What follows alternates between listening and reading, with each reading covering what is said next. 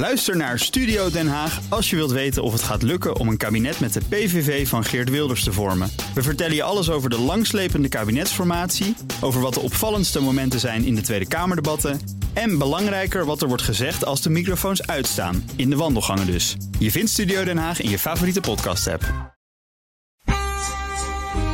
De Perestroikast. Een blik op Oost-Europa.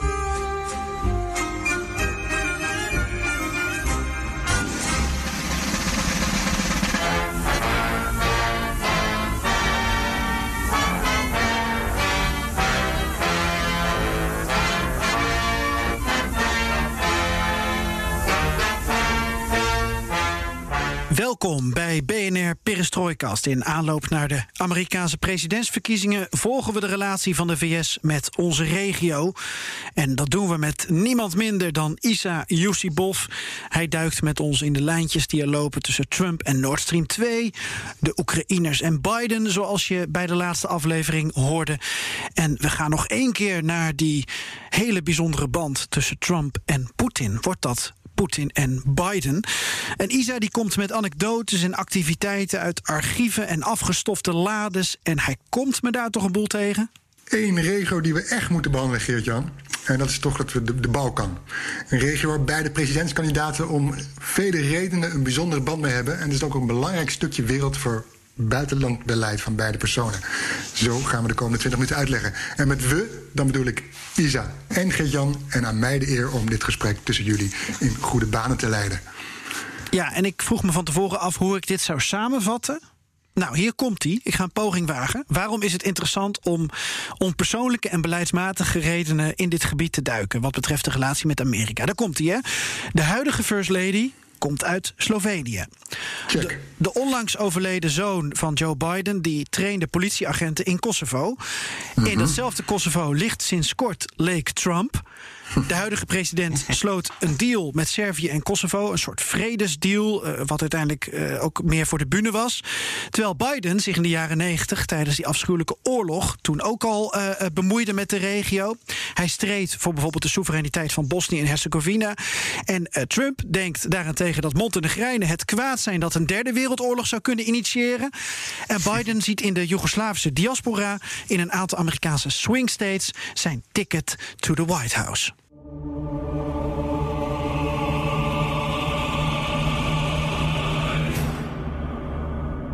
Boel-pubquiz-materiaal dus. Isa, uh, wat, jij, wat, wat, uh, wat weet jij hiervan? Komt dit allemaal bekend jou in de oren? Uh, ja, op zich wel. Het is een, ja, om met een anekdote te beginnen. De, met betrekking tot Trump en de regio. Uh, kennelijk had Trump tijdens een gesprek met, uh, met de Litouwse president uh, toen haar gevraagd waarom haar regio nou zoveel etnische conflicten kende. Ja. En ja, het bleek dat, ze eigenlijk, dat hij de Balkans en de Baltics door elkaar had mhm. gehaald. Dus um, dat is de anekdote van vandaag. Maar voor de rest, ja. Um, Goeie anekdote. ik, ik hoop dat zijn kennis van de, van de regio uh, iets meer is dan uh, die van mij. Maar uh, ik zal proberen om wat meer de geopolitiek te duiden als het gaat om de rol van Amerika, maar ook Rusland en natuurlijk China. Wat, Hij heeft in ieder geval een vrouw uit de regio, dus ik weet niet hoe dat met jou zit. wij vallen volgens mij allebei op vrouwen uit de regio, ik Trump en ik. Oké, waar gaan we mee beginnen? Uh, dat Melania dus uit Slovenië komt. Uh, wordt wordt Trump daar dan ook op handen gedragen? Uh, Geert-Jan? Oh, die vraag stel je aan mij. Ja? Nou, geen idee. Dat weet ik niet. Ik heb, ik heb, me, ik heb me niet op Slovenië voorbereid, moet ik zeggen. Omdat ik dat altijd een beetje half Balkan, half niet Balkan vind. Uh, hetzelfde hier, maar ik denk uh, met Trump valt het nog een beetje mee. Maar omdat First Lady zelf uit Slovenië komt, uh, wordt zij wel op handen gedragen. Als een soort -hmm. trots van de natie. Um, en ze hadden laatst ook zo'n monument voor haar gemaakt in, in Slovenië. Wat kennelijk in de vlammen was opgegaan. Ja, en dat, ja. ja. het leek ook niet echt op, op Melania. Dus ik weet niet of ze daar nu nog wakker van ligt. Nee, nee.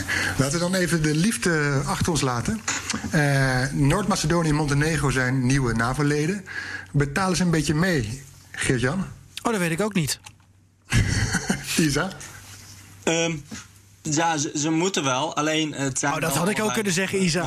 Arme, arme landen. Uh, nog, nog een beetje arme landen waar, waarbij ze ook nog geholpen werden door andere NAVO-landen. Bijvoorbeeld, ik weet wel dat Turkije um, eh, ook voorstander was van, van toetreding van vooral van Noord-Macedonië. En uh, waarschijnlijk hebben ze dan ook een beetje financieel gesteund met betrekking tot, tot allemaal defensiemateriaal.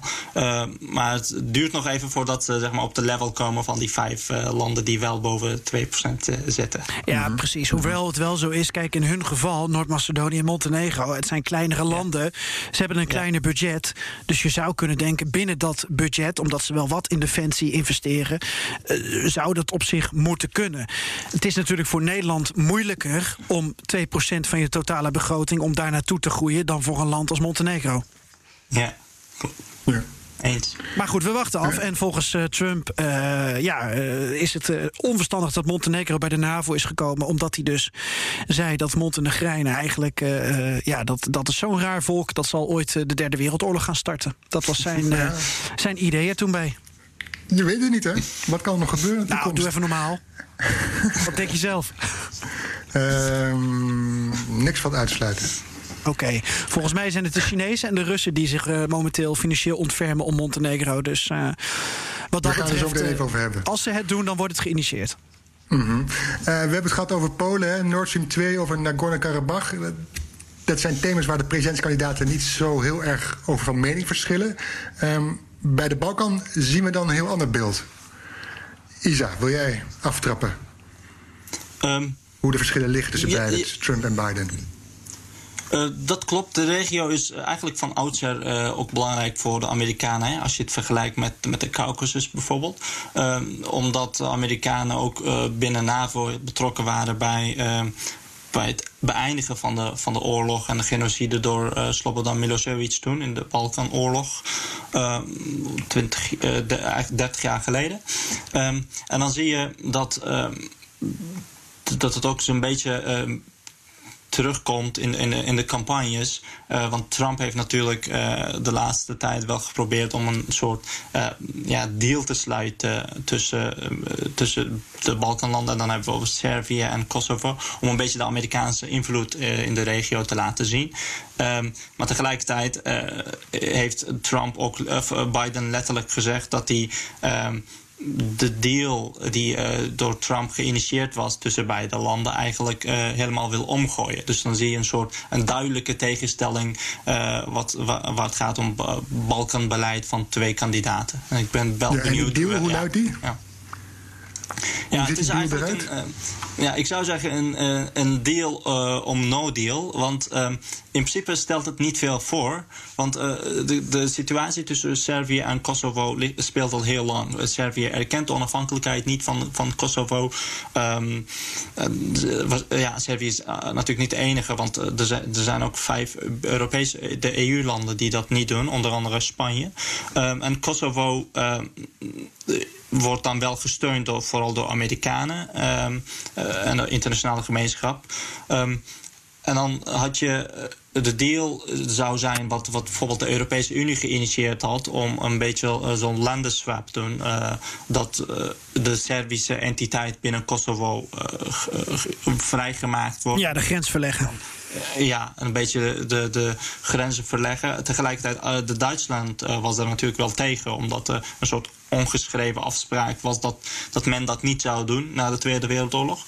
Um, dus dat, is, uh, dat hebben ze wel geprobeerd, maar Amerika wilde nu gewoon um, ja, uh, dat weer oppakken, maar het is niet gelukt. Dus het, het, het ziet er nu meer uit als een soort economische uh, deal. Maar het enige uh, ja, wat je tastbaar kunt, kunt lezen in de, in de uh, deal is dat Servië de, zijn, zijn ambassade naar Jeruzalem verhuist. Wat ja.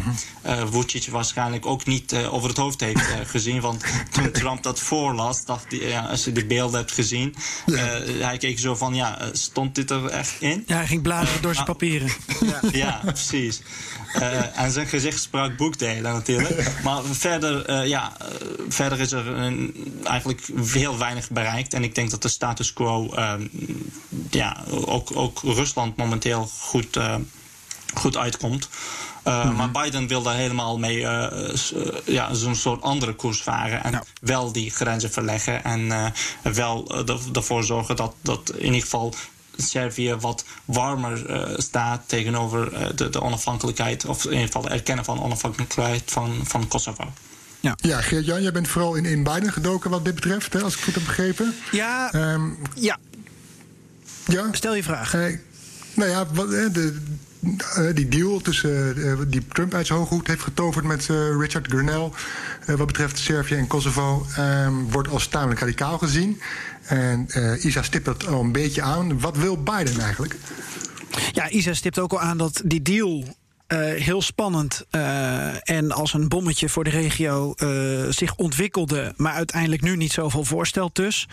Behalve dat de ambassade inderdaad wordt, wordt verplaatst en dat Israël officieel Kosovo erkent als, als bestaand land. Um, kijk, Biden wil inderdaad uh, weg met die deal. Die zit meer op de Europese lijn, inderdaad. Um, wat misschien wel interessant is, want daarin hebben Trump en Biden eh, wel een soort gemeenschappelijk belang en een gemeenschappelijke interesse. Kijk, allereerst zien zij eigenlijk alle stabiele landen in, in die regio, in Zuidoost-Europa, als ja, misschien wel potentiële EU-leden. Um, Trump niet zozeer als potentiële NAVO-leden. Maar uh, weet je, dat vinden ze allemaal wel best. Um, waar ze vooral in geïnteresseerd zijn, en dat is wel geinig, is het uh, Drie Zeeën-initiatief. Kende je dat? Uh, dit is nieuw voor mij. Dat is een, een forum van 12 EU-lidstaten. En die lidstaten die, die zijn aan elkaar gekoppeld via de Oostzee, de Zwarte Zee en de Adriatische oh ja, ja, gaat een lampje branden. Mhm. Daar zitten dus ook een paar Balkanlanden bij. Of, of landen die aan de Balkan grenzen. Dus Bulgarije, Kroatië, Slovenië, uh, Roemenië. En uh, waarom is dat interessant? Want je hebt natuurlijk de EU, je hebt de NAVO, je hebt de Visegrad-groep, heb je allemaal op Europees grondgebied. En daarnaast mhm. heb je nog een Chinees initiatief. Dat is de 17 plus 1, uh, formerly uh, 16 plus 1. Dat zijn dus alle Centraal- en Oost-Europese landen plus China. Die dan telkens uh, business komt promoten en dat in een, in een forumstijl organiseert. Maar nu is er dus ook een Free Seas Initiative. En dat is dan wel officieel opgezet door Polen en Kroatië. En er zit wat Roemeens geld in. Maar in feite is dat een project dat fors gesteund wordt door de EU en de Verenigde Staten. En waarom? En dat kan Isa ongetwijfeld aanvullen. Omdat de VS denkt dat via dit forum kunnen ze invloed en macht uitoefenen op bijvoorbeeld de Balkan. Het is niet, niks, niet voor niks dat Mike Pompeo een miljard dollar afgelopen jaar heeft gedoneerd aan deze foundation, eh, of aan, deze, aan dit forum. En het is niet voor niks dat Joe Biden ook zegt, uh, afgelopen week nog, dat hij uh, uh, prioriteit wil geven aan dit Driezeeën-initiatief. Dus zij zien dit allebei als een vehikel om met name Chinese invloed, maar ook een beetje Russische invloed in de regio tegen te gaan. Isa mag mij aanvullen. Um, ja, vo volledig mee eens. Uh, wat je ziet de afgelopen tijd, dat uh, ja, als je naar Amerikaans buitenlandbeleid kijkt in de regio, dan, dan merk je een soort dat het een beetje ondergesneeuwd is na, uh, na 2000, zeg maar, vooral na 9-11. En de Rusland, Rusland heeft daar natuurlijk uh, goed gebruik van gemaakt. het zit zo dat zelfs in Servië was er laatst een soort um, onderzoek, zo'n peiling naar wie, ze nou, wie de Serviërs nou de beste politieke leider vinden op politiek, geopolitiek wereldtoneel. En er kwam uit dat eigenlijk Poetin hoger scoorde dan Vucic zelf. Dus dat, eh, dat Serviërs uh, Rusland uh, beschouwen als een soort trouwe bondgenoot. Mm. Uh, maar Rusland heeft daar ook vooral de laatste jaren heel veel um, geïnvesteerd in soft power. Um, en uh, nu zie je met, met de uh, toegang van China tot, tot de regio dat uh, die Russische invloed vanzelf een beetje verzwakt wordt. Omdat ehm, ja, Rusland heeft vooral geopolitieke belangen daar. Het belangrijkste eh, situatie voor, of uh, doemscenario voor Rusland zou zijn dat die landen dan opeens allemaal lid worden van de NAVO en, en de Europese Unie. Uh, en dan, dan gaan mee, meestemmen met de sancties en op, op Rusland bijvoorbeeld. Dat moeten ze niet hebben. Dus gewoon, Rusland wil gewoon ervoor zorgen dat vooral Servië de toetreding van Servië tot, tot de Europese Unie zo lang mogelijk gerekt wordt. Maar China pakt het anders aan. China heeft wel geld en China is wel bereid om te investeren in allerlei economische ja, mogelijkheden daar. En zij, want zij weten ook dat de investeringsklimaat in, in de Balkans eigenlijk uh, veel beter kan. Dus daar willen ze gebruik van maken. En dan uh, zie je steeds meer uh, Chinees geld naar de regio vloeien. En dat is um, natuurlijk eh, funest voor de Amerikaanse belangen. Want dan moeten ze vroeger uh, ging het dan om tussen, tussen Amerika en Rusland. En nu gaat het om Amerika en China. De strijd om, om de Balkans. En uh, daarom denk ik dat vooral onder Biden een soort restauratie van Amerikaanse invloed in, in de Balkans zullen zien. En uh, eerlijk gezegd, uh, als ik dat zo zou horen als uh, Vucic of, of de leider van, van de Bosniërs of Kosovo, dan zou ik denken: oh, dan, dan zijn wij de pineut, want dan. Um, gaat hij nog meer druk leggen op ons om die, die invloed van Rusland en China in te dammen. En daarom denk ik dat Vucic bijvoorbeeld iets tevreden zou zijn als Trump herkozen wordt. Ja, en ook natuurlijk omdat hij nog wat van Trump te goed heeft. Hè? Want met die, die ja. landswap uh, die eigenlijk voor Servië bar weinig uh, uithaalde. Behalve dat uh, Vucic als een kleuter dus werd neergezet door Trump. Ja. met, die, met dat tv-moment van die ambassade die verplaatst werd. Ja, als, als Trump wordt herkozen, dan gaat Vucic echt wel zeggen van... joh vriend, luister eens, wij wilden wat van je. je hebt er een mooi PR-moment mee gehad. wij hebben ja. nog wel ergens recht op. En ja, het, het, geldt natuurlijk ook een beetje voor uh, de leider van uh, Republika Srpska, het uh, Servische deel van Bosnië. Um, die hoopt natuurlijk ook heel erg dat Trump wint. En Kosovo is een beetje dubbel. Want Kosovo heeft mm-hmm. natuurlijk nu een nieuwe regering. en Hoti is op zich wel pro-Trump. Dat heeft ook de Balkan-rasputin um, Richard Grenell zo georchestreerd. Maar ja. de voormalig premier, um, Kurti, van de volksbeweging die, die is enorm fan van, van Biden. Dus ja. het is heel moeilijk te zeggen. Zo'n land, ja, uh, we, we, kunnen wel zeggen van Kosovo is pro-Biden of anti-Biden. Dat hangt ook gewoon een beetje af van de, van de regering. Kosovo is gewoon hoe dan ja. ook pro-Amerikaans. Laten we, laten we het daarop houden. Ja. En het, het is het belang van Amerika in die, in die is het belang van, die, van de Amerikanen in die regio alleen maar het terugdringen van, van Chinese invloed, of eventueel Russische invloed, of zit er nog meer achter? Want ik zie, is er energie, is er gas, is er olie?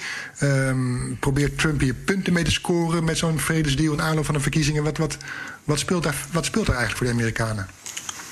Mm -hmm. um, ja, nog, nog een kleine toevoeging op uh, wat Geert-Jan zei. Isa, mm -hmm. pak hem maar op. Oh, oké. Okay. En nog een kleine toevoeging op uh, wat Gertjan zei over Kosovo. Uh, de president van Kosovo uh, was niet aanwezig in het Witte Huis tijdens, de, tijdens de deal, ja. on, ondertekenen van de deal, omdat hij op de Amerikaanse sanctielijst staat. Dus dat, is wel, dat geeft heel goed aan zeg maar, hoe de verhoudingen eigenlijk liggen. Ja. Dus daarom had hij de premier gestuurd. Um, nou, terugkomen op je vraag. ja, het is een beetje multidimensionaal, denk ik. Aan de ene kant wil je natuurlijk niet dat, dat je invloed als een soort wereld mag opeens uh, aan diggelen uh, ligt. Om, omdat in, vooral in de Balkans, hè, dat Rusland en China daarmee aan de haal gaan. Omdat uh, vanwege het isolationisme van. sprak ik nou wel goed uit? Um, ja, ja Amerikanen. um, dus in die zin um, is, het, is het wel te begrijpen dat vooral onder Biden, dat hij dan ook zo'n beetje assertiever in de regio gaat investeren.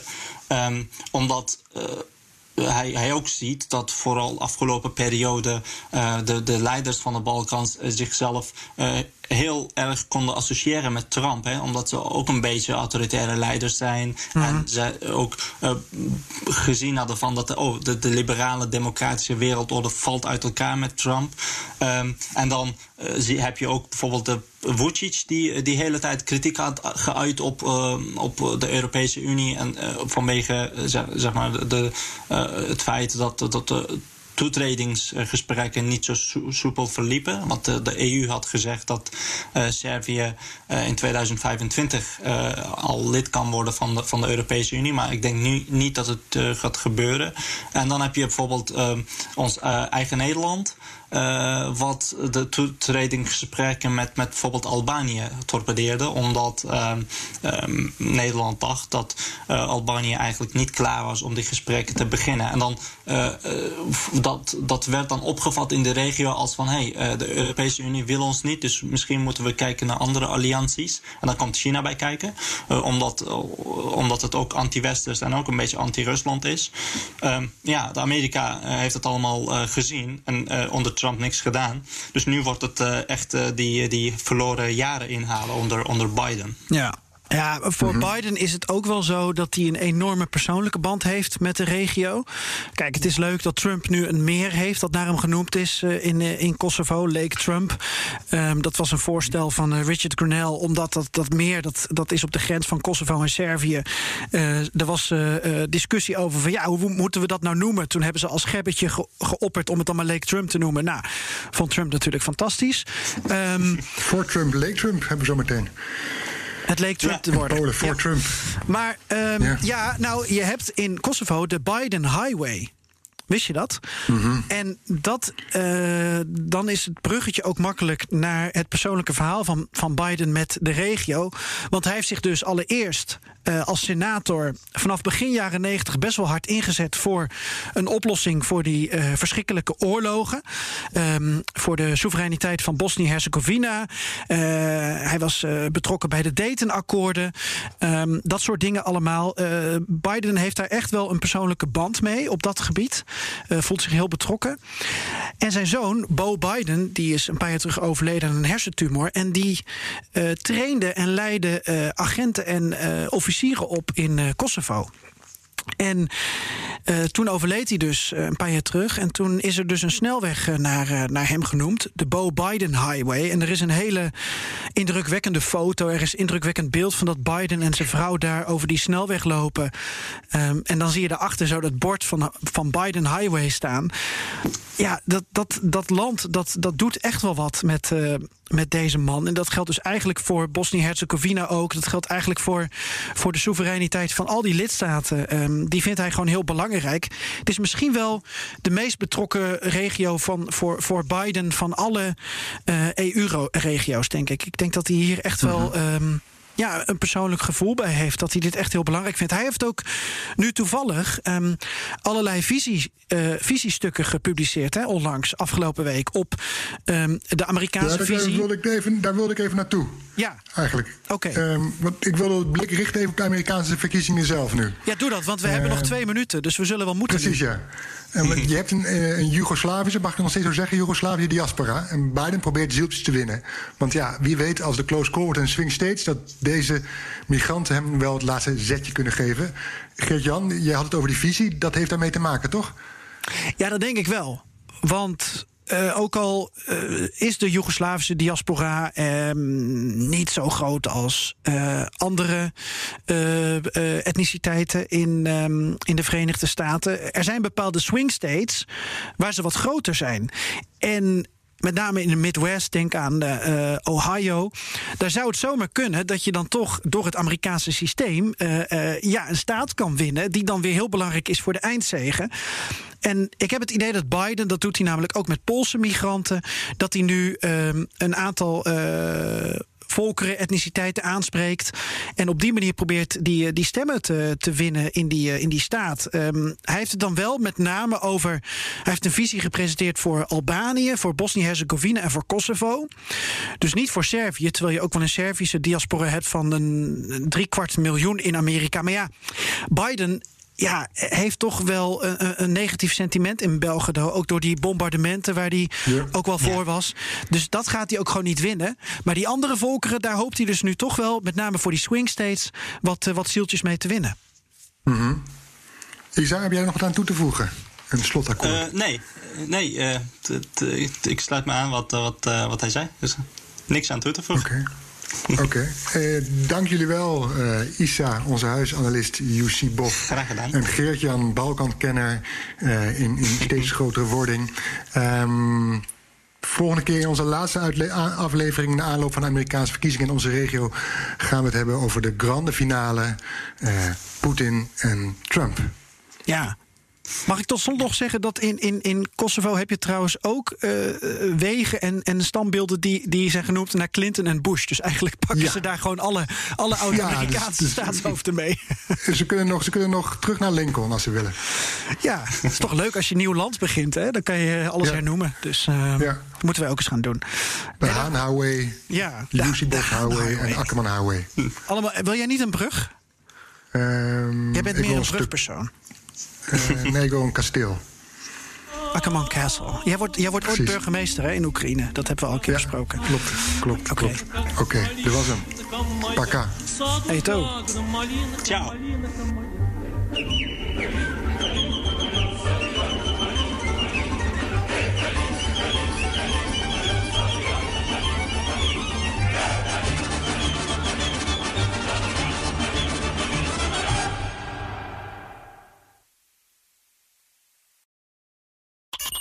Bas van Werven vind je in de BNR-app. Ja, je kunt live naar mij en Iwan luisteren tijdens de ochtendspits. Je krijgt een melding van Breaking News. En niet alleen onze podcast Ochtendnieuws, maar alle BNR-podcasts vind je in de app. Download nu de gratis BNR-app en blijf scherp.